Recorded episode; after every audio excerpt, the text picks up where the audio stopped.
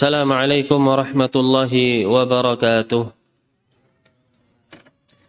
بسم الله الرحمن الرحيم. الحمد لله رب العالمين. والصلاة والسلام على أشرف الأنبياء والمرسلين نبينا محمد وعلى آله وأصحابه ومن سار على نهجه واستنى بسنته إلى يوم الدين. أما بعد. Ikhwah din wal akhwat rahimani wa rahimakumullah. Alhamdulillah atas segala nikmat Allah Subhanahu wa taala yang hanya kepadanya lah kita menyembah dan hanya kepadanya lah kita meminta pertolongan maka dengan segala dengan segala nikmat tersebut sudah sepatutnya kita bersyukur kepada Allah Subhanahu wa taala yaitu dengan menambah ketakwaan kita kepada Allah Subhanahu wa taala. Kemudian jamaah sekalian rahimani wa rahimakumullah uh, seperti yang saya sampaikan kemarin bahwasannya pada pertemuan kali ini kita akan melanjutkan yaitu pembahasan yang telah kita lalui kemarin ya sedikit tentang Fiqhul Fitan sebuah kitab kecil yang berisi dari muhadarah Syekh Sulaiman Ar-Ruhaili hafizahullahu taala yang membahas tentang pemahaman tentang fitnah. Penting bagi kita untuk memahami tentang fitnah karena supaya kita bisa menghindar ya darinya sebagaimana uh, yang dikatakan oleh Hudzaifah ibnul Yaman radhiyallahu taala an kana an-nas yas'aluna yas'aluna ar-rasula 'anil khairi wa kuntu as'aluhu 'anil syarr makhafatan an yudrikani Kata Hudzaifah ibn Yaman, dulu para sahabat yaitu manusia, para sahabat bertanya kepada Rasulullah tentang kebaikan. Ya, bagaimana amalan yang paling baik, amal, bagaimana cara masuk surga, bertanya tentang kebaikan. Tetapi Hudzaifah ibn Yaman mengatakan, tapi saya bertanya tentang keburukan. Ingin mengetahui tentang keburukan. Kenapa? Makhafatan an yudrikani. Karena saya takut keburukan tersebut mengenai saya. Maka di antara kita membahas kitab ini adalah sebagai bentuk e, pengetahuan terhadap fitnah supaya kita bisa menghindar, ya, supaya kita bisa menghindar.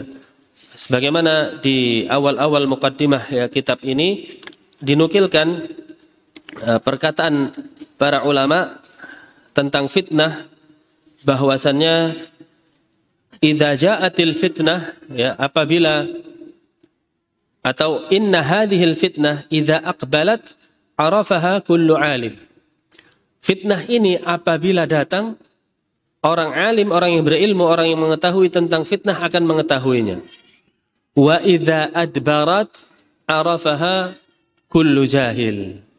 Akan tetapi orang yang tidak mengerti, orang yang jahil akan tahu bahwasanya itu fitnah kapan? Setelah fitnah itu pergi, setelah selesai masalahnya.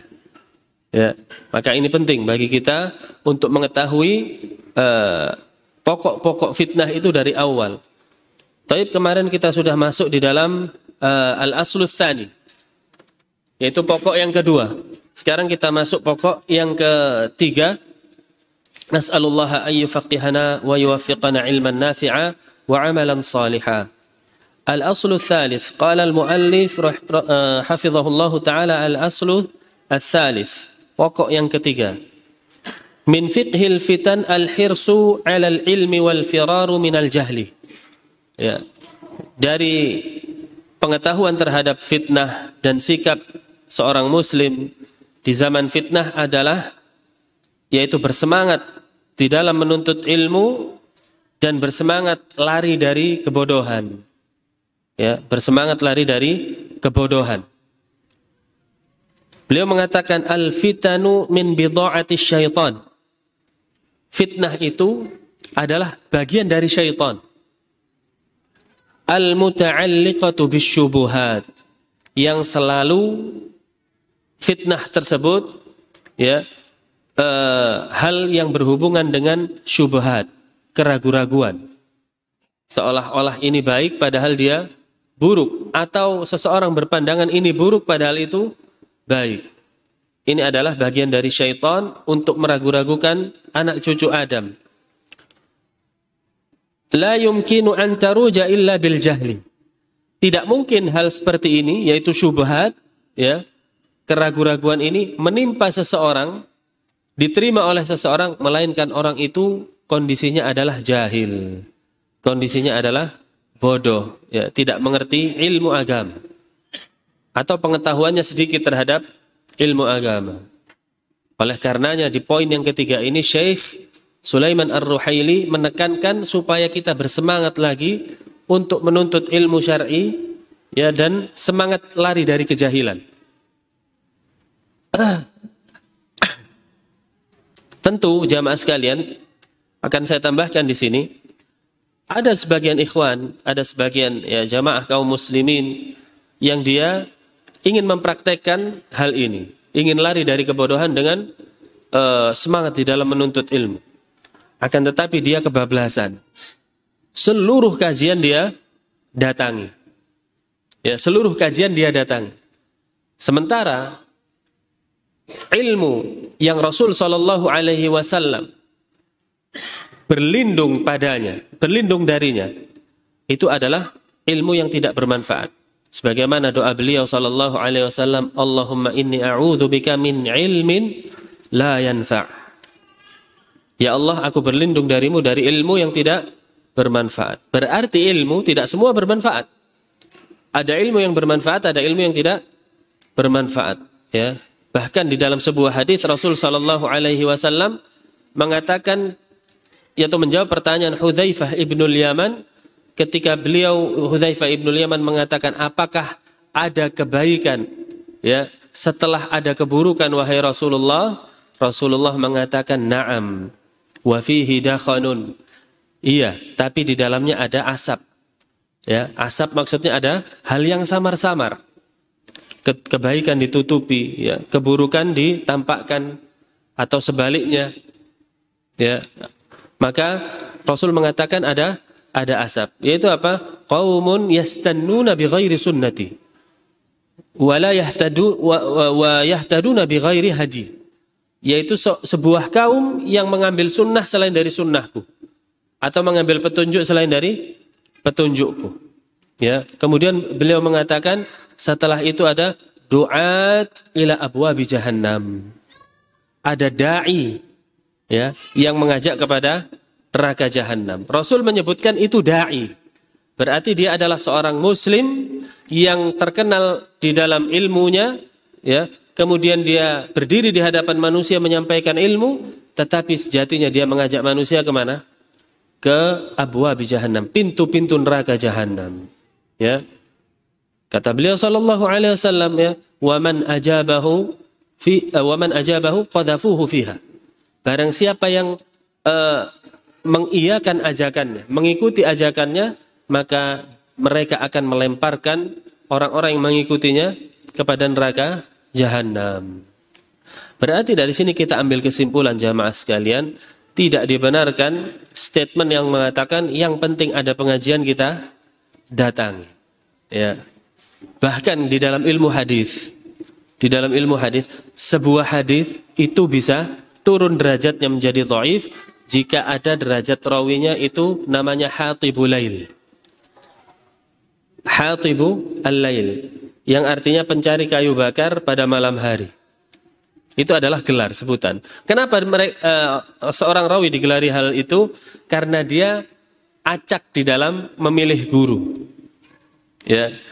Seperti orang yang mencari kayu bakar di malam hari, dikira kayu bakar dipegang ternyata ular.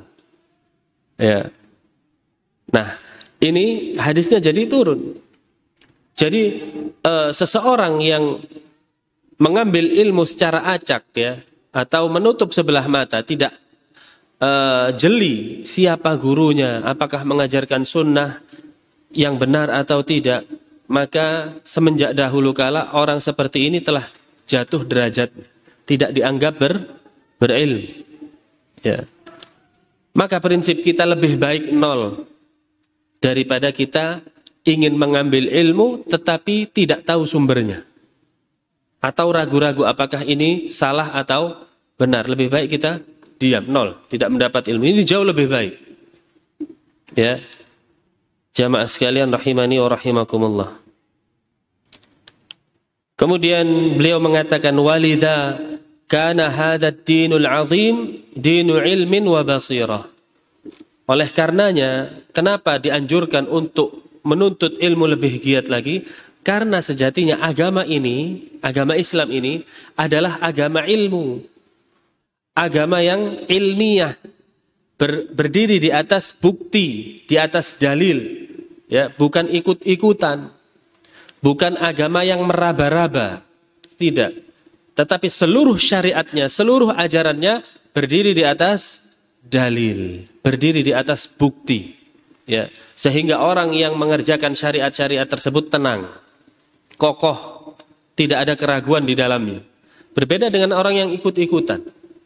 Orang yang ikut-ikutan ketika masyarakat banyak mengamalkan satu syariat, dia ikut. Kemudian setelah syariat ini uh, atau masyarakat yang mengamalkan syariat ini surut jadi sedikit, ada yang sana lagi mengamalkan yang banyak ikut yang sana. Dan begitu seterusnya tentu atau pasti atau mungkin kita bisa merasakan sendiri ketika kita beribadah di atas dalil kita tenang. Ya, walaupun seluruh manusia menyelisih. Contoh kita sholat subuh dua rakaat. Barangkali ada orang seribu orang sholat subuh empat rakaat. Antum sendirian sholat subuh dua rakaat. Gimana? Ragu atau kokoh? Tetap saya yang benar. Loh, katanya yang seribu merasa benar sendiri ente. Gimana? Ya, iya, saya merasa benar sendiri boleh. Dengan syarat apa? Ada referensinya, ada buktinya. Ya. Contoh, satu tambah satu berapa? Dua. Kemudian ada orang mengatakan tidak, satu tambah satu itu lima. Antum mengatakan lagi loh dua. Kenapa antum merasa benar sendiri? Hargailah pendapat orang. Gimana? Hargailah pendapat orang satu tambah satu sama dengan lima. Akhirnya antum, oh iya ya, ya sudahlah. Mungkin beda madhab ya, beda pendapat. Begitu? Lah, ini namanya keraguan-raguan. Sedangkan agama Islam itu berapa? Jalannya satu. Masalah prinsip kita harus tegas. Prinsip adalah ibadah yang berdiri di atas dalil, jelas dalilnya, sudah kita lakukan. Walaupun satu dunia menyelisihinya. Karena kita tidak sedang mengikuti manusia. Kita hanya mengikuti Allah subhanahu wa ta'ala dan Rasulnya. Bukankah kita bersyahadat, Ashadu an la ilaha illallah, wa ashadu anna Muhammadan Rasulullah. Ataukah kita ber, bersyahadat, Ashadu an la ilaha illallah, wa ashadu anna nasa Rasulullah. Dan saya bersaksi bahwasanya manusia adalah utusan Allah. Enggak kan? Bisa kafir ya. Tapi Muhammad adalah Rasulullah. Ya sudah, yang dikatakan Allah dan Muhammad itulah yang saya ikuti. Ini adalah agama ilmiah di atas ilmu. Sebagaimana Allah Subhanahu wa taala berfirman, "Innama yakhsyallaha min ibadihi al-ulama." Sesungguhnya manusia yang takut kepada Allah itu adalah siapa? Orang yang berilmu, ulama. Ya, Berarti dari ayat ini bisa dipastikan orang yang tidak berilmu, terutama ilmu tentang siapa? Tentang Allah. Mentauhidkan Allah. Bahwasanya Allah itu ada. Kemudian Allah itu memiliki sifat rububiyah, uluhiyah dan asma wa sifat. Kita ketahui ini, maka semakin takut kita kepada Allah Subhanahu wa taala seakan-akan ada yang mengawasi. Ketika kita sendirian kita bisa uh, bergetar hati karena merasa diawasi oleh Allah Subhanahu wa taala. Oleh karenanya Allah mengatakan innama yakhsyallaha min ibadihi al ulama. Sesungguhnya yang takut kepada Allah itu hanyalah orang yang berilmu. Ya. Makanya kalau ada orang tidak takut ya dengan Allah berbuat semaunya di muka bumi ini. Kemudian ada orang yang soleh, ada orang yang baik. Apa nasihatnya? Mas, mas, datang pengajian lah.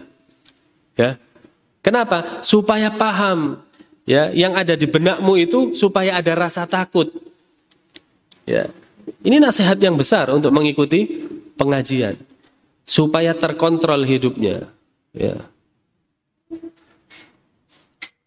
Kemudian Nabi Shallallahu Alaihi Wasallam juga mengatakan di dalam sebuah hadis, wa inna fadlal alimi alal abid ka fadlil qamari lailatal badri ala sairil kawakib.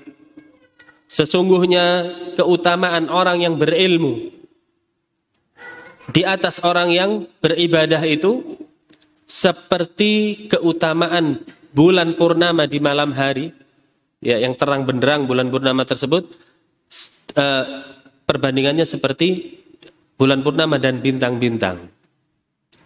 Tentu kita bisa merasakan manfaat bulan purnama.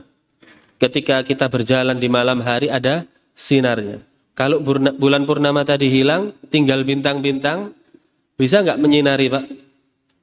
Nggak bisa. Ada lubang tetap terperosok ya. Tapi kalau ada bulan purnama kita bisa menghindar. Ada duri kita bisa menghindar. Tapi bintang bisa? Nggak bisa. Kita hanya bisa mengagumi keindahannya saja. Masya Allah, indahnya langit ini dengan bintang-bintangnya. Cukup seperti itu. Begitu juga dengan ahli ibadah. Ketika kita melihat orang yang beribadah, kita kagum, Masya Allah. Ya, ini orang sangat indah sekali hidupnya, penuh dengan ibadah. Tapi apa manfaatnya untuk kita? Bisa mengarahkan kita ini hak, ini batil? Tidak. Ini hitam, ini putih? Sama sekali tidak. Tapi orang yang berilmu, ya orang yang berilmu, dia bermanfaat untuk dirinya dan bermanfaat untuk manusia yang yang lainnya. Maka ini sesuai juga dengan hadis Nabi Shallallahu Alaihi Wasallam, khairun nas anfa'uhum linnas. Sebaik-baik manusia yang paling bermanfaat bagi manusia yang lainnya dan kita ketahui bersama manfaat yang paling besar adalah ketika manusia mengajak manusia yang lain ke mana ke jalan Allah wa man ahsanu qawlan mimman da'a ilallah. Dan siapa yang paling baik ucapannya dibandingkan orang yang mengajak manusia ke jalan Allah, menjelaskan agama ini. Ini hak, ini batil, ini tauhid, ini syirik, ini sunnah, ini bid'ah. Ya. Atau kita ingat-ingat bersama di dalam Sahih Muslim kisah seseorang yang membunuh berapa?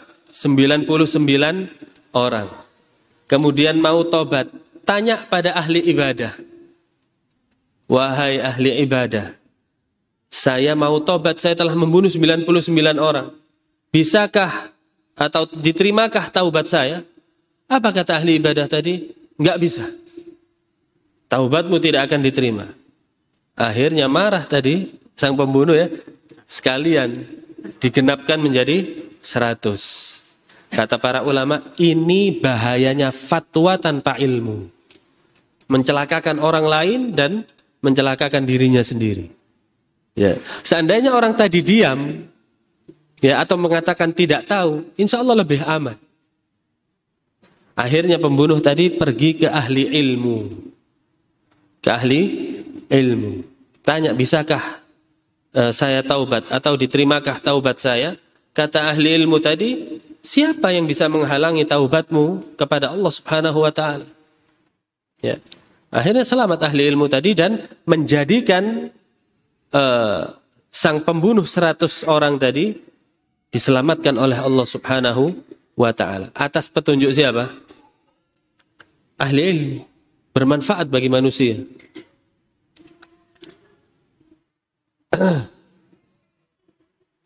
Rasul Shallallahu Alaihi Wasallam juga bersabda, fadlul alim keutamaan seorang yang berilmu alal abid di atas orang yang ahli ibadah kafadli ala adnaku. Seperti keutamaanku atas kalian. Ya. Jadi seperti keutamaannya Rasulullah di atas orang-orang yang derajatnya di bawah Rasulullah. Kita ketahui bersama bahasanya Rasulullah adalah sumber ilmu yang bermanfaat bagi masyarakat Arab pada waktu itu. Menjadikan para sahabat orang-orang yang terbimbing, menjadikan para sahabat orang-orang yang dekat dengan Allah Subhanahu wa taala sampai-sampai Allah meridhoi mereka. Dan menjanjikan di antara mereka surga Allah Subhanahu wa taala. Nah, ini penting masalah ilmu din. Ini adalah hal yang harus kita prioritaskan. Ya. Terutama ilmu apa? Akidah. Ilmu akidah. Ilmu akidah ini makanan hati kita, jamaah. Ilmu akidah adalah makanan bagi hati kita. Kalau kita pikir kita butuh makanan bagi jasad kita, tidak. Hah? Butuh. Setiap hari kita aktivitas tujuannya untuk apa? Memberi makan kepada jasad kita. Padahal kita tahu jasad tadi umurnya berapa kata Rasulullah? 60 sampai 70 tahun. Dan itu kita tidak berhenti-berhenti. Dan tidak putus asa untuk mencari makanan bagi jasad kita.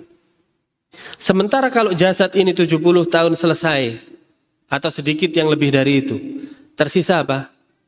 Apakah selesai kehidupan kita? Tidak. Ruh ya, ini akan naik menghadap Allah Subhanahu wa taala. Sampai-sampai Allah mengatakan, "Yauma la yanfa'u malun wala banun illa man atallaha biqalbin salim." pada hari yang tidak bermanfaat harta dan anak-anak kecuali orang yang datang kepada Allah membawa hati yang selamat, bukan membawa jasad. Tetapi membawa hati yang selamat. Kapan hati yang selamat? Ketika hati tersebut diisi dengan akidah-akidah yang benar. Akidah, ilmu akidah diawali pertama kali dengan ilmu tauhid. Ya, mengetahui Allah Subhanahu wa taala secara detail Sampai mana pengetahuan kita kepada Allah Subhanahu wa taala? Dan antum bisa merasakan ketika antum upgrade ilmunya tentang Allah Subhanahu wa taala. Oh, saya sudah tahu ya, rukun iman contohnya. Iman pertama adalah iman kepada Allah. Kedua, Rasul, malaikat. Ketiga, kita Papa Rasul dulu. Yakin? Keempat, lima. Hari akhir enam, takdir ya. Padok. Iman kepada Allah. Apa maksudnya iman kepada Allah? Ya. Banyak dari kita faham dan hafal. Bahkan itu pelajaran SD ya. Rukun iman ada enam disebutkan. Sampai kuliah yaitu rukun iman ada enam. Nggak tahu ini iman kepada Allah ini bagaimana prakteknya. Terus apa saja yang dibahas di dalam ruku, uh, di dalam iman kepada Allah? Ya, yaitu beriman uh, uh, ala uh, al-imanu biwujudillah. Iman terhadap wujud Allah. Allah itu ada. Dari mana kita buktikan bisa buktikan Allah itu ada? Dari ayat-ayatnya. Ada ayat Qur'aniyah, ada ayat kauniyah. Ayat Qur'aniyah ya yang ada di Quran itu. Siapa yang bisa menandingi kalam seperti itu? Siapa yang bisa membuat ucapan seindah itu? Menandingi Al-Quran. Gak bisa kan? Berarti terbukti Allah ada. Ya. Atau ayat-ayat yang ada. Siang berganti malam. Malam berganti siang. Ya kan? Kita kalau menanam biji, biji tersebut tumbuh. Ya. Kemudian janin yang ada di rahim seorang ibu bisa bertumbuh, kemudian terlahir menjadi orang yang dewasa. Siapa yang menumbuhkan organnya, Ya. Kemudian siapa yang mengajarinya ketika bayi untuk uh, apa berevolusi ya dari janin kemudian bayi bayi kemudian bisa tengkurap kemudian merangkak dan seterusnya siapa yang mengajar itu adalah aturan Allah Subhanahu wa taala atau ketika kita pikirkan ketika kita masuk ke dalam sebuah ruangan kosong ruangan kita masuk ternyata di situ ada suguhan Pak ada buah lengkap satu piring ya, apel, jeruk, ada pisangnya, ada macam-macam buah di situ. Yang satu lagi adalah ya nasi penuh dengan lauknya. Ada nasi, ada ayamnya, ada sambal gorengnya, ada apa lagi?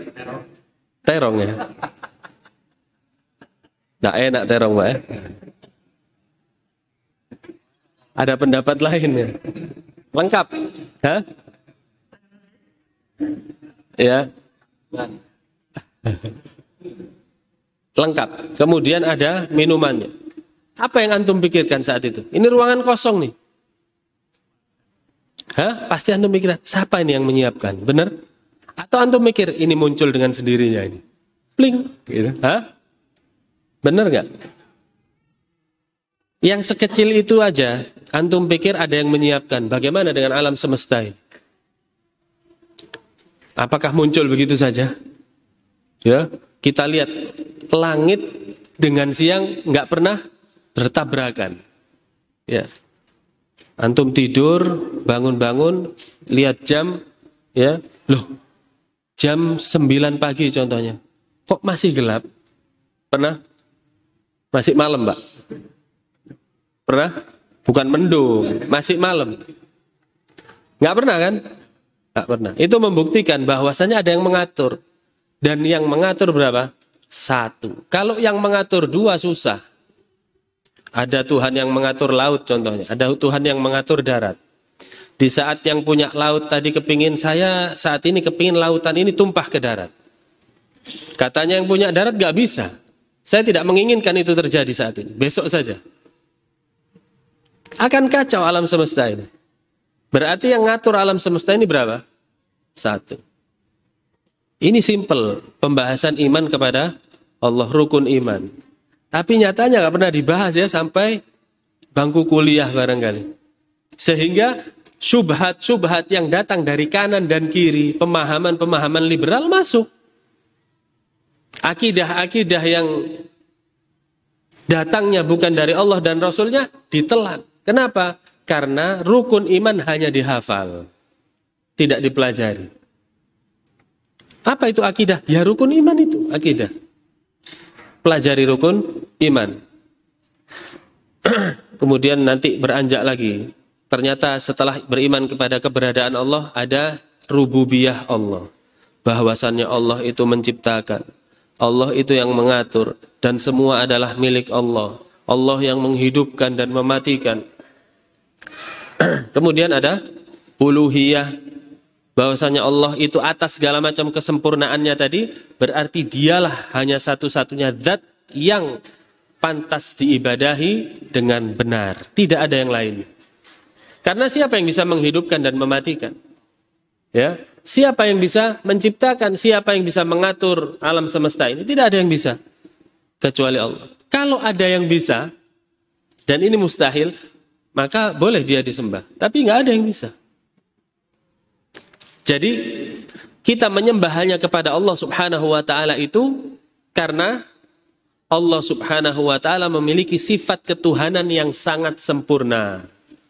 Ya, sifat ketuhanan yang sangat sempurna. Ya, tidak seperti orang Nasoro. Ketika dia menyembah Yesus padahal di dalam kitabnya ya Bible atau yang mereka sebut dengan perjanjian baru. Nggak ada satupun kalam yang mengatakan kata Yesus sembahlah saya. Tidak ada satupun. Itu berasal dari pembesar-pembesar mereka saja. Yang meyakini bahwasannya Yesus ini adalah uh, yaitu sosok penebus dosa seluruh manusia. Makanya mereka berbuat semaunya nanti ditebus dosanya sama Yesus. Kalau mereka ditanyakan, ya, ke, ke mana sang penebus dosa tadi? Mati. Ya, mati disalib. Oleh karenanya dia bisa menebus dosa seluruh manusia. Ya. Kalau begitu, Anda menyembah hal yang sudah mati. Benar nggak? Dia menyembah Yesus dan dia meyakini bahwasanya Yesus itu sudah mati disalib. Berarti anda menyembah hal yang sudah mati. Bukankah kalau kita tanya lagi, bukankah Anda meyakini itu satu adalah tiga, tiga adalah satu. Di situ ada Tuhan Bapa, Tuhan Anak dan Tuhan dan Roh Kudus, ya. Dan Roh Kudus. Nah, sekarang kita tanya, yang disembah Tuhan Anak mati. Kenapa tersisa kan Tuhan Bapa? masih hidup kata mereka. Kenapa nggak nyembah yang hidup saja? Itu Allah maksudnya. Tuhan Bapak. Kenapa nggak nyembah yang hidup saja? Nggak bisa ngomong ya. Berarti Anda menyembah hal yang sudah mati. Kemudian kalau begitu kata dia, oh kalau begitu belum mati. Belum mati. Kalau belum mati, katanya bisa menebus dosa gara-gara dia mati. Kalau belum mati gimana caranya menebus dosa? Bingung. Ini akibat yaitu kata Allah Subhanahu wa taala Nasrani apa? Agamanya di atas ikut-ikutan, semangat melakukan ibadah tapi tanpa ilmu. Disebut dengan ad orang-orang yang sesat. Semangat beramal tapi tanpa ilmu. Buktinya dibahas begitu saja mereka tidak bisa jawab. Ya, dan masih banyak eh, hal-hal uh, konyol lainnya di dalam kitab mereka.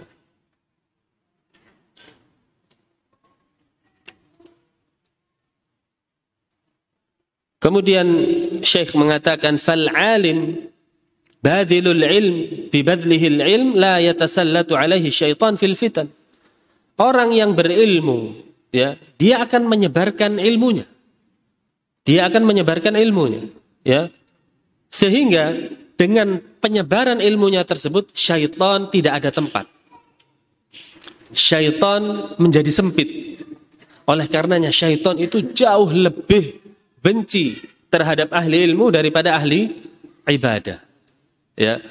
Kata para ulama, ada satu ahli ilmu itu jauh di, lebih dibenci dari, oleh syaitan daripada ada seribu ahli ibadah. Kalau seribu ahli ibadah, syaitan nggak perlu susah-susah. Ya, silahkan anda beribadah untuk dirinya sendiri. Dia tidak membantah kesesatan, tidak menasehat, tidak beramar ma'ruf nahi mungkar karena nggak punya ilmu. Dia hanya sibuk menghiasi dirinya sendiri. Tetapi satu ahli ilmu, ya, kelihatan waduh, ini nggak sholat di masjid, tegur, ya, kelihatan, ya, saudaranya mendengarkan musik ditegur. Kelihatan saudaranya ikut maulid ditegur. Dan seterusnya. Maka syaitan benci di sini. Merasa tersaingi. Ya. Siapa uh, syaitan siapa yang benci? Seluruhnya minal jinnati wan nas. Ya, musuh dari ahli ilmu syaitan tersebut dari golongan jin dan golongan manusia.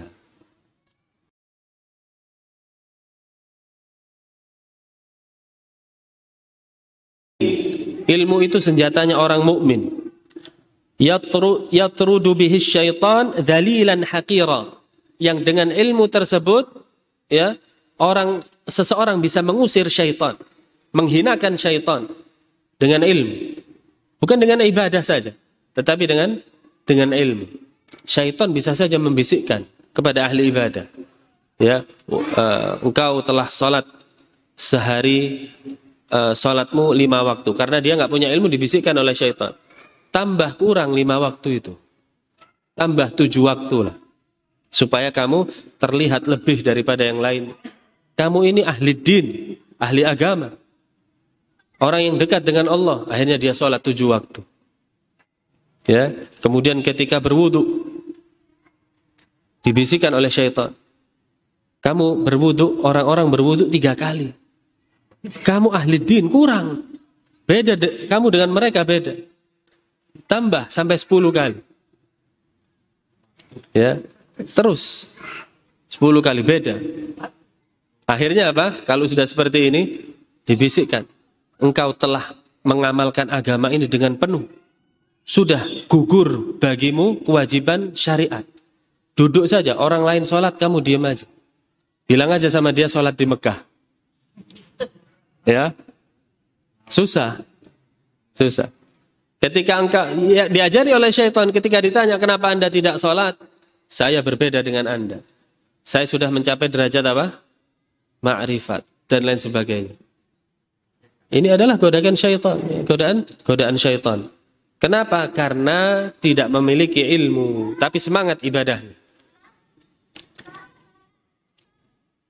Dan ilmu tersebut yub'idu syahwat anil qalb. Ilmu bisa menghilangkan syahwat dari dari hati kita. Ya ilmu bisa menghilangkan syahwat dari hati kita. Antum bedakan ketika antum tahu sunnah dan sebelum tahu sunnah. Sudah tahu sunnah, kelihatan ada orang perempuan berjalan ya, yang dulu disuiti barangkali atau ya susah mengarahkan pandangan sekarang bisa menundukkan pandangan berbeda. Syahwat lebih terkontrol. Yang dulu kelihatan uang jatuh diambil sekarang, oh nggak bisa. Ya, yang dulu ke kelihatan ketika dimaki orang harus membalas, ya. Kemudian harus emosi, sekarang bisa diredam. Ini semua akibat apa? Ilmu.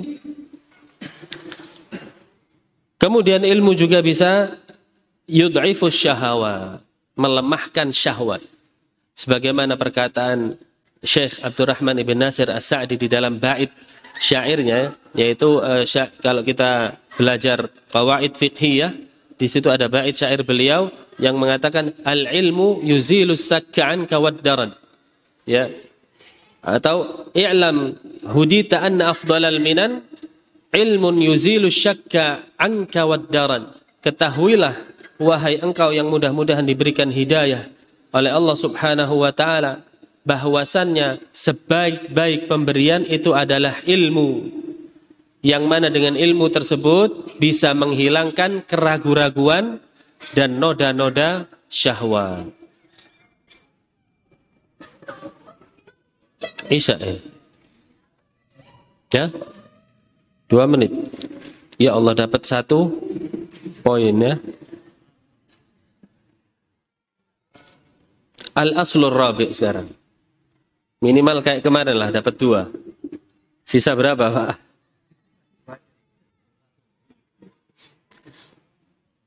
Al-aslur rabi. Pondasi yang keempat.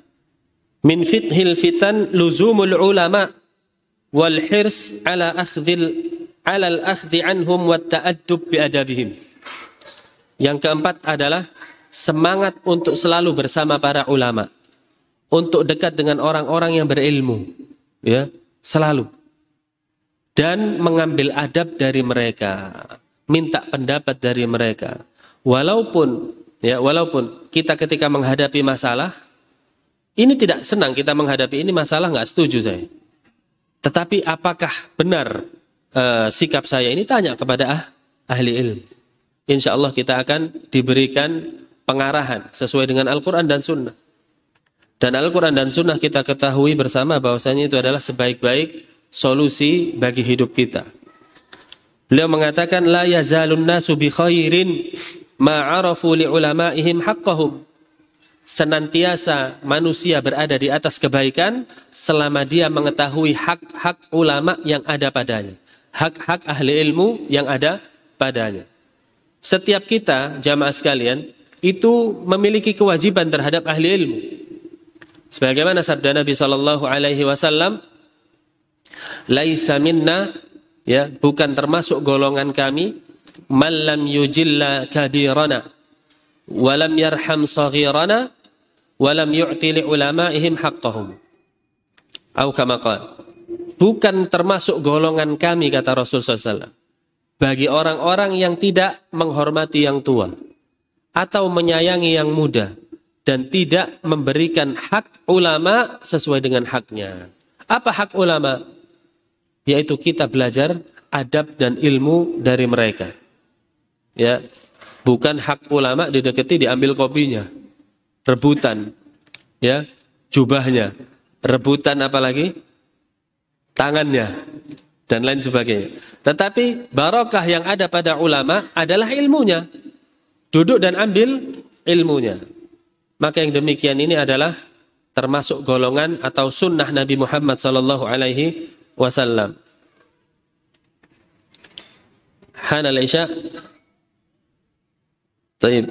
Uh, kita sudahi dulu jamaah sekalian. Insyaallah ba'da shalah kita lanjutkan sedikit. Wallahu taala alam barakallahu fikum. Sallallahu ala Muhammad wa ala ali Muhammad walhamdulillahi rabbil alamin.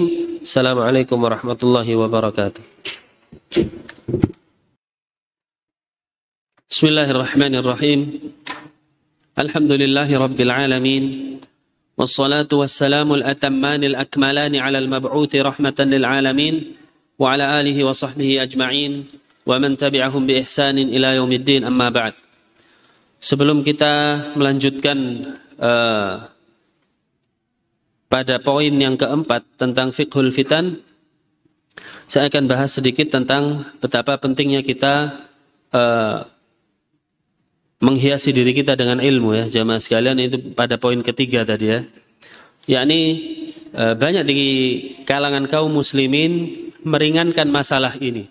Bahkan ilmu agama yang wajib ain bagi dirinya seperti ilmu akidah yaitu ilmu yang merupakan asupan gizi bagi hatinya atau ilmu ibadah yaitu rukun Islam ya dari salat, zakat, puasa, haji, membaca, eh, termasuk di luar rukun Islam ada membaca Al-Qur'an.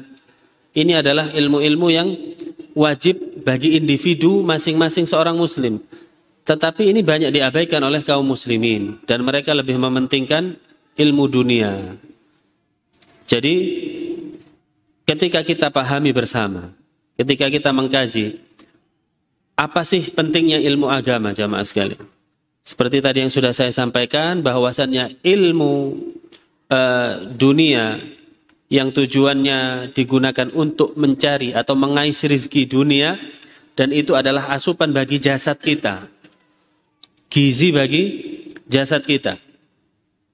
Yang mana disadari bersama bahkan orang kafir sekalipun menyadari bahwasanya dirinya akan mati. Jadi eh, hal yang setiap hari dia cari itu akan dibuang dan akan berakhir dengan kematian. Tetapi ilmu agama yang apabila seseorang memilikinya dimulai dari ilmu akidah ya seperti yang saya katakan tadi yauma la yanfa'u malun wala banun illa man atallaha biqalbin salim kata Allah Subhanahu wa taala tidak bermanfaat pada hari itu harta dan anak-anak kenapa disebutkan harta dan anak-anak ini adalah bagian terbesar dari dunia yang dipertahankan oleh manusia ini enggak berlaku lagi kata Allah tetapi yang berlaku adalah orang yang datang kepada Allah dengan membawa hati yang selamat. Selamat dari syirik, selamat dari bid'ah, selamat dari maksiat. Dari mana ini bisa semua terjadi? Dari ilmu ah, agama. Berarti lebih penting mana jamaah sekalian? Ilmu agama atau ilmu dunia? Ilmu agama, ya. Lebih penting hidayah daripada rizki dunia. Ya, hidayah maksudnya adalah ilmu agama. Tetapi secara prakteknya banyak bahkan di antara kita ya ketika mencari dunia, ketika mencari dunia, hari ini tidak dapat, besok tidak menyerah, cari lagi. Besok tidak dapat, apakah berhenti? Enggak. Tetap besoknya cari lagi tidak ada kata berhenti dan tidak ada kata capek. Ya, bahkan punya semboyan. Kegagalan adalah keberhasilan yang tertunda. Benar ya? Ini berlaku untuk rezeki dunia. Kenapa kaidah ini tidak dilakukan di dalam kita mencari ilmu agama? Hari ini nggak paham, besok datang lagi kajiannya. Ya, nggak paham lagi, besok datang lagi kajiannya. Sementara prakteknya gimana? Nggak paham, pulang gimana? Ah, nggak paham saya sama saya. Nggak penting. Padahal kalau kita kaji tadi penting yang mana? Menuntut ilmu agama atau mencari rezeki dunia? Kata Allah Subhanahu wa taala, "Wabtaghi fima ataka Allah daral akhirah wala tansa nasibaka minad dunya. Carilah atas segala macam yang diberikan oleh Allah kepadamu. Apa yang diberikan oleh Allah pada kita? Semuanya kesempurnaan jasad, akal yang sehat, mata yang terang, apalagi harta yang cukup, Hah? Kendaraan yang bisa mengantarkan kita ke mana pun. Ini semua pemberian Allah, kata Allah cari dari pemberianku itu apa? Cari negeri akhirat dulu. Baru jangan lupa bagianmu di di dunia. Jangan lupa bagianmu di dunia. Tetapi prakteknya banyak dari kaum muslimin atas segala macam yang diberikan oleh Allah Subhanahu wa taala tadi, cari dunia dulu, jangan lupa akhirat. Terbukti kan? Cari dunia dulu, kalau sisa-sisa tenaganya masih ada baru ngaji. Kalau nggak ada, capek. Alasannya apa? Aduh, seharian saya capek. Seakan-akan ini lebih penting mana? Lebih penting dunianya. Ya. Orang kalau sudah uh, tidak mendapatkan gelar S1 dunia ya, sarjana. Masya Allah, aib. Dan merasa hidupnya sangat rugi. Seolah-olah tidak bisa uh, menjadi orang yang sukses. Tetapi ketika tidak bisa membedakan antara dho dan dho, santai saja. Sampai kapan pun, sampai usianya sudah tua. Tidak bisa membedakan antara a dan a. Ya, gha dan kha. Tidak bisa. Tapi bukan aib. Dan itu kaum muslimin. Nah ini, lebih memilih sarjana dunia daripada seumur hidupnya tidak ada peningkatan ilmu agamanya. Mulai umur 0 sampai 40 tahun barangkali tetap kelas TK di bidang agama. Walaupun dunianya sudah sarjana, ya, S1, S2, S3. Dia tidak merasa aib ketika tidak bisa membaca Al-Quran. Tidak merasa aib ketika tidak bisa memahami dalil-dalil tentang sholatnya pribadi yang akan dia pertanggungjawabkan di hadapan Allah. Kata Rasulullah SAW, Awalu ma yuhasabu bihil abdu yaumal qiyamah as-sholah. Pertama kali yang akan dihisap seorang hamba pada hari kiamat adalah sholatnya. Santai sholatnya tidak perlu mengetahui ini cocok kepada sunnah Rasul atau enggak. Enggak. Ya. Tetapi masalah ma'isyah, masalah nafkah, masalah dunia nomor satu. Ya. Ini pentingnya harus harus kita sentuh hal seperti ini jamaah. Harus kita sentuh. Prakteknya lagi. Ketika kita tahu ilmu agama itu lebih penting daripada segala-galanya. Kata Imam Ahmad ya.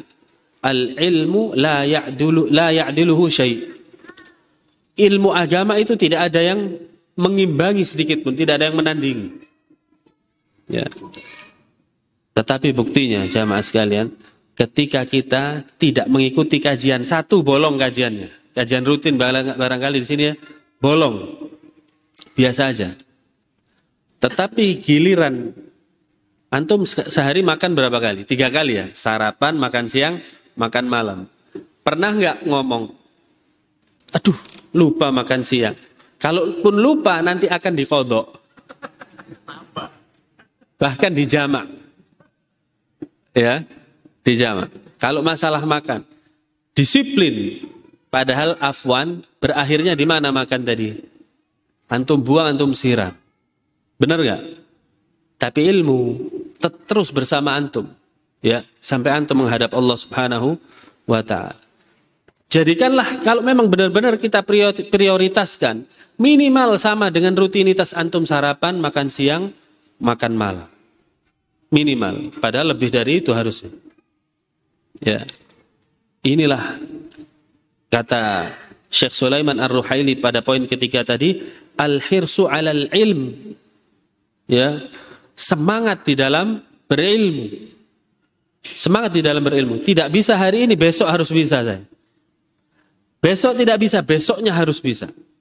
Atau dalam satu bulan uh, targetkan, saya harus menguasai ilmu ini. Ya, atau mungkin saya harus mengetahui gerakan-gerakan sholat saya dan bacaan sholat saya dengan dalilnya. Nggak lama kok sebenarnya. Ya, ketika kita mau rutin. Dalam satu tahun ini saya harus bisa bahasa Arab contohnya. Ya, Insya Allah. Orang belajar bahasa Arab ini kayak belajar kungfu, Pak.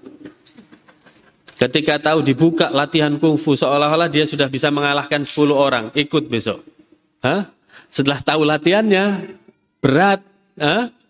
Dapat satu bulan, softnya yang satu lapangan tinggal setengah lapangan. Dapat dua bulan, semakin berat lagi, tinggal satu baris.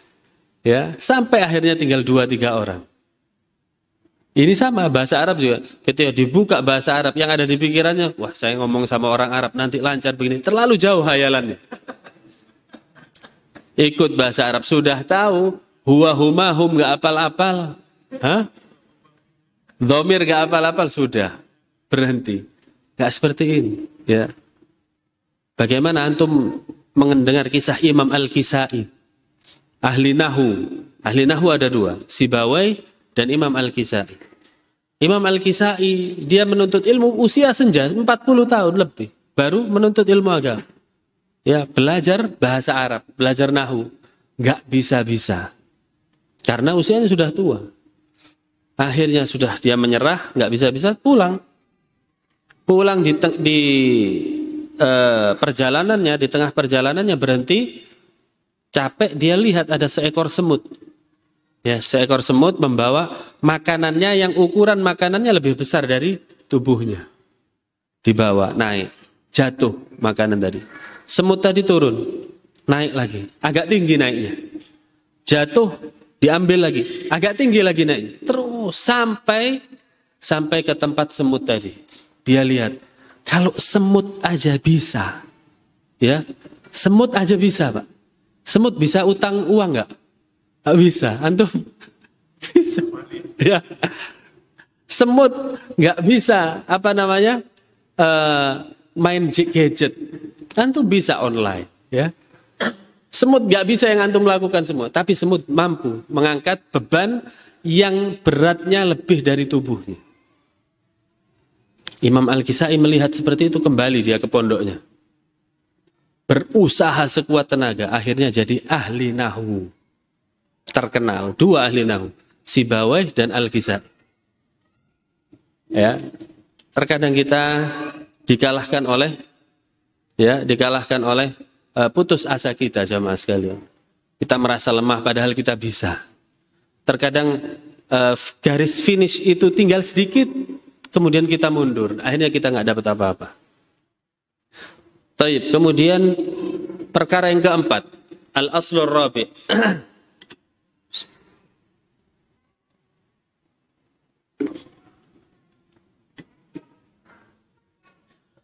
Min fiqhil fitan luzumul ulama wal hirs alal akhdhi anhum wa ta'addub biadabihim.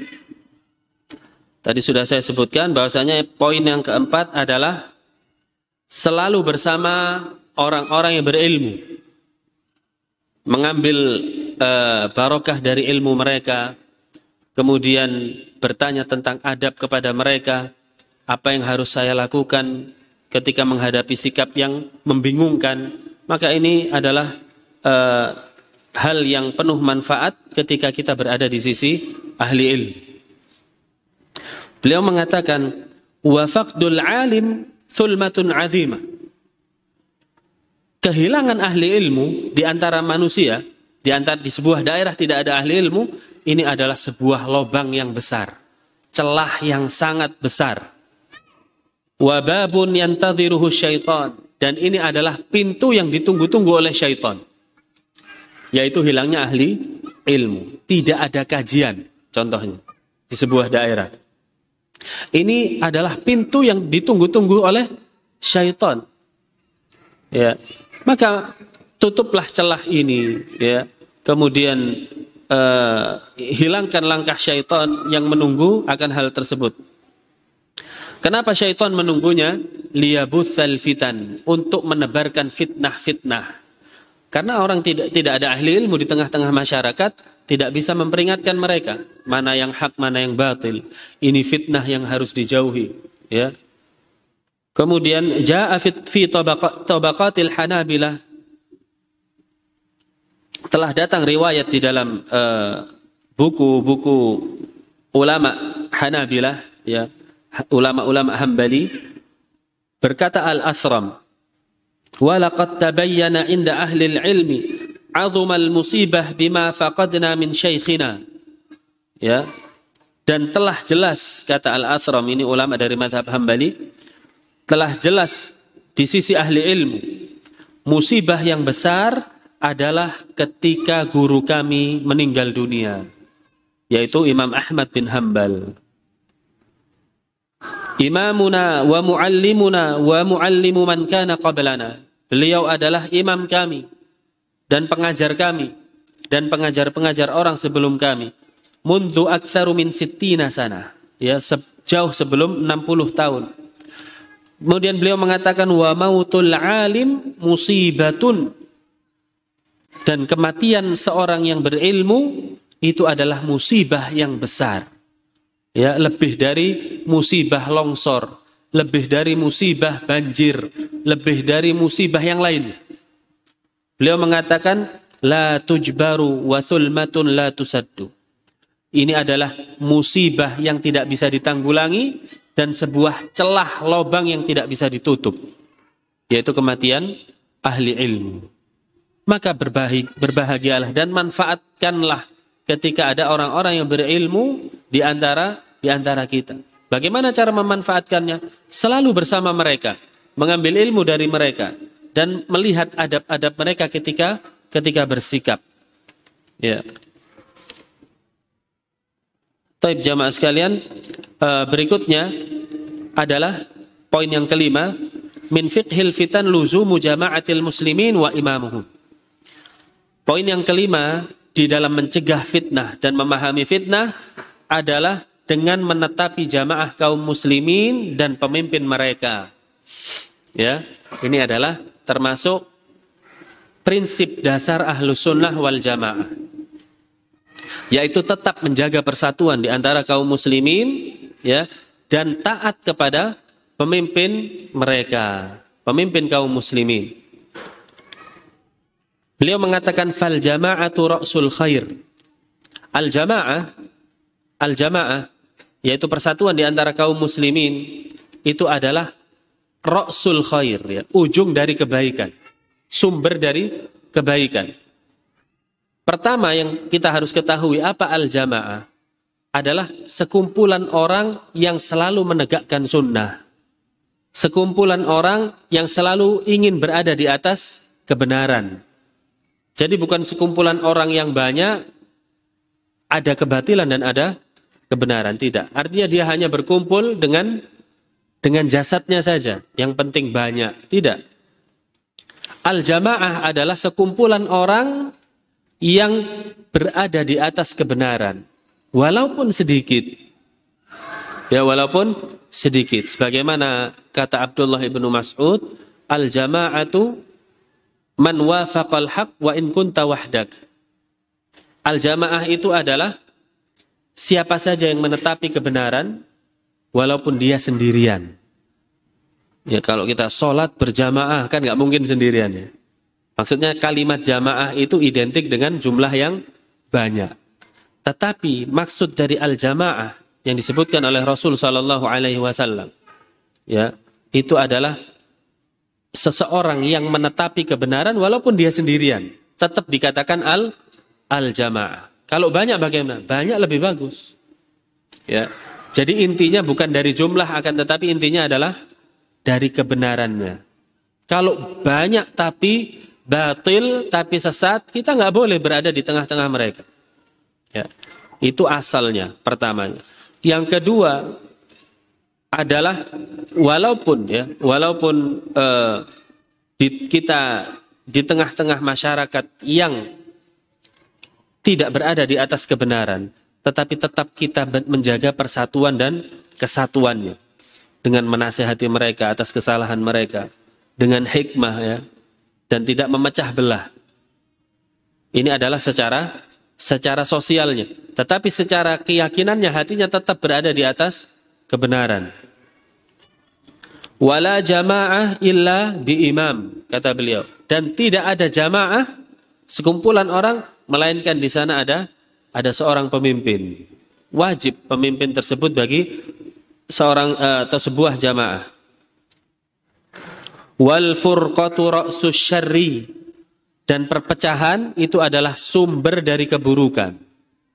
Sebagaimana kata Abdullah ibnu Mas'ud, al khilafu syarrun, ya. Perselisihan atau perpecahan itu adalah keburukan. Kenapa Ibnu Mas'ud mengatakan demikian? Karena Utsman bin Affan waktu itu sholat ya, yang empat rakaat dan kondisinya sedang safar yang harusnya di dikosor dua rakaat ya. Tetapi Utsman bin Affan mengerjakannya empat rakaat. Para sahabat bingung ya. Kenapa Utsman bin Affan mengerjakan empat rakaat? Kemudian Abdullah bin Mas'ud juga mengikuti Utsman karena makmumnya. Maka Abdullah bin Mas'ud mengatakan khilafu syarrun. saya mengikuti hal ini, mengikuti Utsman bin Affan 4 rakaat karena perselisihan itu adalah buruk. Ya, perselisihan adalah buruk. Dengan syarat itu adalah perselisihan yang bukan prinsip ya. Itu yang eh, perselisihan yang boleh ada keluasan di dalamnya. Memang yang lebih afdol bagi seorang musafir adalah mengkosor. Tetapi di posisi-posisi tertentu dia boleh mengerjakan sholat empat rakaat. Ya, boleh mengerjakan sholat empat rakaat. Tadi anak jadi imam empat rakaat. Harusnya saya kerjakan dua rakaat yang lebih afdol. Tapi kalau anak kerjakan dua rakaat, antum bingung nggak nanti? Bingung. Ya, di posisi tertentu. Kecuali kalau saya katakan tadi di awal, saya akan kerjakan sholat dua rakaat, silahkan nanti ditambah dua sendiri-sendiri. Ya, tapi saya tidak katakan itu, maka saya kerjakan empat rakaat. Dan berlaku pada hal yang lainnya. Jangan masalah yang ada keluasan di sana, kita harus kekeh sampai menimbulkan mudarat. Sampai menimbulkan perselisihan, perpecahan. Karena di hadapan kita tidak tahu ilmunya. Yang mereka tahu adalah yang begini saya tidak pernah lakukan. Ya jangan dilakukan. Kalau kamu lakukan berarti kamu bukan bagian dari saya. Maka kita yang punya ilmu kita ngalah. Ya, kita mengalah. Kenapa? Demi menjaga persatuan dan kesatuan. Ya. Contoh, antum sholat dan antum e, lebih memegang madhab iktidal yang begini contohnya. Iktidal kan boleh begini, boleh begini. Ya, antum kuatkan yang begini. Kemudian antum sholat di tempat orang-orang yang iktidalnya biasa begini. Dan mereka tidak tahu akan iktidal yang begini. Maka bagaimana sikap kita? Walaupun kita kuatkan madhab yang begini, kalau sholat di tengah-tengah kondisi seperti itu, lepaskan. Kenapa? Khilafu syarrun. Karena perselisihan itu buruk. Kecuali kalau memang mereka uh, orang yang sudah ngaji, tahu perbedaan, maka beda lagi.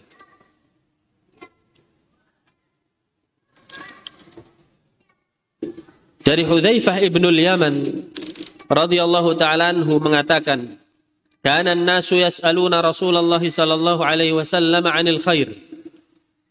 Manusia pada saat itu menanyakan kepada Rasulullah tentang kebaikan. Wa kuntu as'aluhu syarr. Dan sementara saya bertanya kepada Rasulullah tentang keburukan. Makhafata an. Karena saya takut keburukan tadi menimpa saya. Fakultu. Lalu aku mengatakan, Ya Rasulullah. Wahai Rasulullah. Inna kunna fi jahiliyatin wa syarrin. Dulu kita berada dalam kondisi jahiliyah dan di dalam keburukan. Faja'an Allahu bihadzal khair. Akhirnya Allah Subhanahu wa taala mendatangkan kebaikan ini yaitu Islam. Fahal ba'da hadzal khairi syarrun? Apakah setelah kebaikan ini ada keburukan? Apa jawab Nabi? Naam. Ya. Fakultu, lalu aku mengatakan lagi, hal ba'da dzalika syarri min khair? Apakah setelah keburukan itu ada kebaikan lagi? Kata Nabi apa? Naam, ya wa fihi akan tetapi akan ada asap di dalamnya akan ada kesamar-samaran di dalamnya. Qultu lalu aku bertanya wa ma dakhonuhu apa asapnya itu? Qala Rasulullah mengatakan qaumun yastannuna bi ghairi sunnati. Sebuah kaum yang mengambil sunnah selain dari sunnahku ya. Mengambil tariqah selain dari torikohku. Terbukti nggak? Torikoh itu ada berapa? Torikoh Islam satu, yaitu torikohnya Muhammad. Torikoh jalan. Jalan beragama. Ada berapa? Satu. Torikohnya Muhammad. Sekarang ada torikoh Ja'fariyah. Ada torikoh, ya, apa lagi? Uh, macam-macam Naqsyabandiyah, ada Tariqah Hasafiyah, ada Tariqah, Tariqah, Tariqah. Saya pernah ditanya, apa Ustaz hukum bertoriqah? Hukum bertoriqah adalah wajib. Hukum bertoriqah apa? Wajib. To, yaitu toriqah yang mana? Toriqah yang Anda persaksikan syahadatnya. wa ashhadu anna Muhammadan Rasulullah. Yaitu tariqahnya. Tariqah Muhammad. Ya, atau kalau bahasa Arab bisa kita sesuaikan tariqah Muhammadiyah. Iya, sesuai bahasa Arab, secara bahasa, bukan istilah ya. Tariqah Muhammadiyah. Jangan baper ya.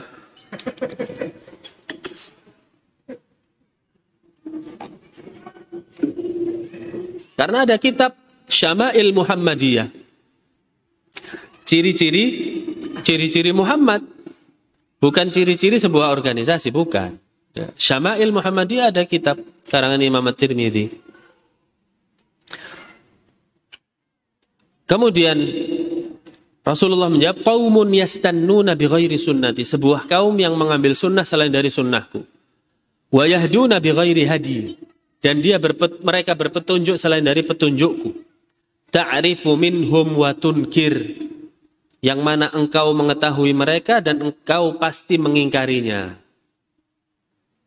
Fakultu, lalu aku mengatakan, Hal ba'da dhalikal khairi min syarrin. Kemudian ya Rasul, apakah setelah kebaikan yang berasap tadi, ada keburukan lagi? Apa kata beliau? Naam. Iya. Yaitu apa? du'atun ala abwabi jahannam. Dai-dai yang mengajak ke pintu neraka jahanam. Dia dai. Ya, mengucapkan assalamu alaikum. Mengucap membaca ayat Al-Qur'an, membaca hadis tetapi mengajak manusia ke neraka jahanam. Rasulullah tidak mengatakan dia adalah mughannin, penyanyi, tidak. Rasulullah juga tidak mengatakan asi, orang ahli maksiat, tapi beliau mengatakan apa? Duat, dai.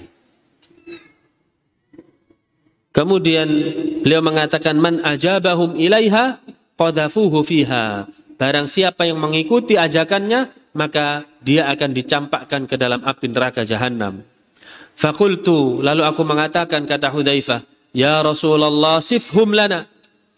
Ya Rasulullah kalau begitu sifati mereka. Siapa mereka? Rasulullah mengatakan, Qaumun min jildatina wa yatakallamuna bi alsinatina. Yaitu sebuah kaum yang dia berasal satu kulit dengan kita.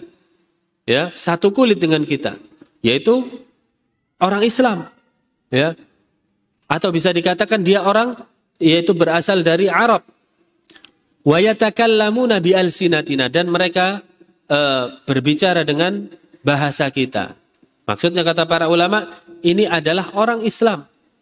Berbicara dengan bahasa kita adalah berbicara dengan mengatasnamakan Quran, mengatasnamakan sunnah, ya sama. Ya. Pembukaan muhadarahnya innal hamdalillahi nahmaduhu wa nasta'inu sama. Tetapi membawa ke dalam neraka jahanam. Ya, ini bukti juga jamaah sekalian tidak boleh kita menghadiri pengajian secara secara acak. Layaknya kita cari rezeki. Cari ilmu ini sama dengan cari cari rezeki. Antum mau rezeki acak, ada halal haram terima. Mau pasti hati-hati cari rezeki yang halal-halal saja. Kan begitu. Ya, yang remeng-remeng gimana? Ditinggalkan. Ya. Tapi kenapa kalau mencari ilmu Ah nggak apa-apa kan baik. Yang penting duduk di kajian. Padahal subhat masuk di sana susah keluarnya nih. Ya. Sama, konsepnya sama dengan mencari rizki. Karena dua-duanya adalah pemberian dari Allah Subhanahu wa taala. Kemudian qultu kata Hudzaifah ibn Yaman ya Rasulullah fama tara in adrakani dzalik. Bagaimana pendapatmu ya Rasulullah jika aku menemui hal itu? menemui apa? Du'atun ala abwabi jahannam. Dai-dai yang menyeru kepada pintu neraka jahannam. Bagaimana sikapku ya, ya Rasulullah? Rasulullah mengatakan talzamu jama'atal muslimina wa imamahum. Tetaplah engkau berada di deretan jamaah kaum muslimin dan taati pemimpin mereka. Jangan keluar dari pemimpin mereka. Ya, jangan berontak dari pemimpin kaum muslimin tetap sabar atas segala kezalimannya. Ya. dan dengar dan taat atas segala perintahnya selama perintahnya tidak mengandung maksiat kepada Allah dan Rasulnya. Fakultu lalu aku mengatakan fa'il lam takun lahum jama'atun wala imam Ya Rasulullah, jika pada saat itu tidak ada jamaah kaum muslimin, juga tidak ada pemimpinnya, bagaimana sikapku? Qala Rasulullah mengatakan, fa'tazil tilkal firaq kullaha tinggalkan seluruh firqah-firqah, kelompok-kelompok semuanya. Ya, tidak boleh berfirqah, tidak boleh berkelompok. Sel seluruhnya harus ditinggalkan. Walau anta ala asli syajarah, walaupun saat itu engkau harus menggigit akar pohon hatta yudrikakal maut sampai engkau mati di dalam menggigit pohon akar pohon tersebut ini kelaparan dan menjauhi seluruh firqah. Berdiri sendirian, bertahan hidup sampai engkau mati, wa anta ala dalik. Sementara engkau berada di dalam kondisi tersebut, itu jauh lebih baik. Ini adalah solusi dari Nabi Shallallahu Alaihi Wasallam diriwayatkan oleh Bukhari dan Muslim. Taib jamaah sekalian, mungkin ini yang bisa kita kaji pada kesempatan kali ini. Alhamdulillah kita dapat lima poin di dalam dua pertemuan ini dan masih ada sekitar 21 poin lagi. Ya. Mungkin insya Allah ketika kita dimudahkan oleh Allah Subhanahu wa taala bertemu kembali kita akan lanjutkan uh, bahasan ini. Sebelum kita tutup di sini ada pertanyaan bagaimana kaidah dalam Islam ketika datang fitnah kepada seorang muslim. Misalkan ada tuduhan pada si fulan kalau dia berpemahaman khawarij. Bagaimana harusnya yang dituduh dan apa yang harus dilakukan oleh si penuduh. Jamaah sekalian rahimani wa rahimakumullah. Allah Subhanahu wa taala mengatakan, "Ya ayyuhalladzina amanu in ja'akum fasiqun binaba'in fatabayyanu." Wahai orang-orang yang beriman, jika datang kepada kalian ya orang yang fasik kata para ulama bisa orangnya yang fasik atau beritanya yang fasik fasik itu buruk rusak bisa orangnya yang membawa berita ini orang yang buruk walaupun beritanya baik atau bisa jadi beritanya yang buruk walaupun orangnya bah, baik ya maka kata Allah Subhanahu wa taala sikapnya adalah tabayyun dulu tabayun. Apa tabayun? Mencari kejelasan. Benar nggak tuduhan ini? Seandainya ini ditanyakan adalah seseorang dituduh khawarij. Ciri-ciri khawarij yang terbesar adalah tiga. Ciri-ciri khawarij yang terbesar adalah tiga. Yang pertama yaitu keluar dari pemerintah yang sah. Berontak. ya Mengkafir-kafirkan pemerintah, atau e, mengajak masyarakat atau mengajak manusia untuk berontak terhadap pemimpin yang zalim ya pemimpin yang zalim boleh berontak tidak kata Rasul sallallahu alaihi wasallam e, man ra'a min amirihi syai'an yakrahuhu falyasbir barang siapa yang melihat sesuatu dari pemimpinnya yang dia benci hendaklah dia sabar. Ya. Kemudian beliau mengatakan man kharaja min amirihi shibran famata mata mitatan jahiliyah. Barang siapa yang berontak keluar dari pemimpinnya walaupun satu jengkal saja kemudian dia mati maka dia mati di dalam kondisi jahiliyah. Mati bukan mati kafir tapi mati di atas dosa besar. Ya. Kemudian hadis Rasulullah SAW yang lain ketika ditanya oleh seseorang sahabat, Ya Rasulullah, ya, uh, ma ra'aitum idza qama indana umara atau kama qal. Wahai Rasulullah, bagaimana pendapatmu ketika ada di tengah-tengah kami pemimpin? Uh, yas'alunana haqqahum wa yamna'unana haqqana. Mereka meminta hak mereka tetapi menahan hak kita. Ya. Selalu meminta haknya untuk ditaati, meminta haknya untuk selalu dituruti dan lain sebagainya sementara kita tidak diberikan hak kita. Kalau kita sekarang diberikan nggak Pak hak kita?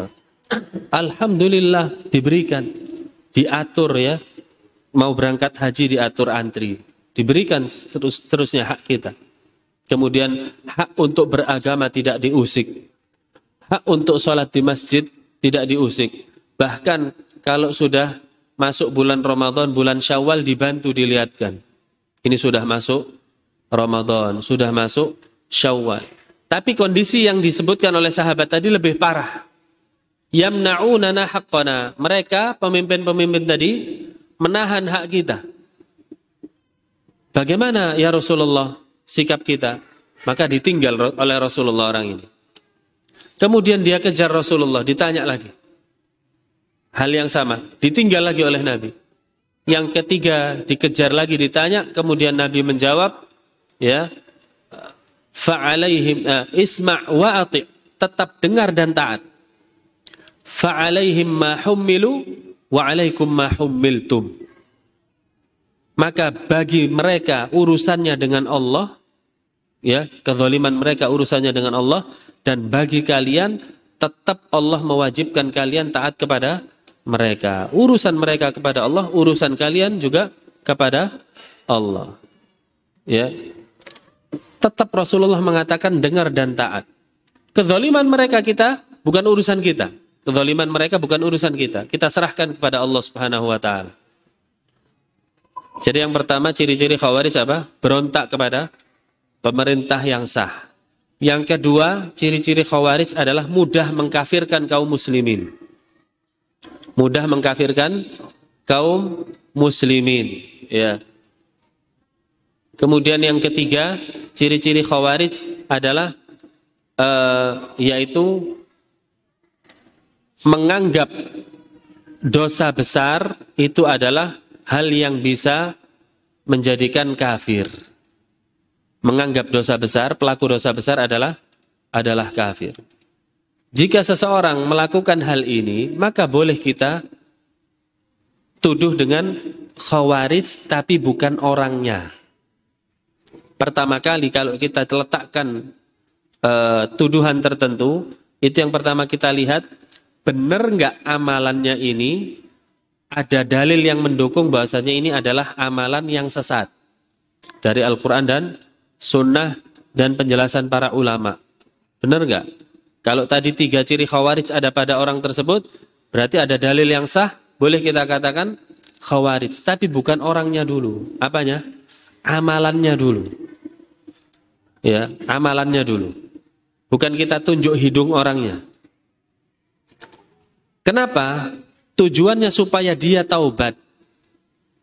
Supaya dia bisa kembali ke jalan yang benar. Jelas ya? Karena bisa jadi orang melakukan hal tertentu motivasinya bukan dari kesengajaan. Bisa jadi dia jahil, tidak tahu akan hal itu. Betapa banyak orang yang mencela pemimpin. Hah? Mungkin bahkan dari keluarga kita. Kenapa nggak tahu ilmunya? Apakah langsung kita tuduh khawarij? Enggak lah. Ya, karena tidak tahu ilmunya. Nasihati dulu. Ya, makanya penting bagi kita untuk tabayun, cari tahu apa motivasinya.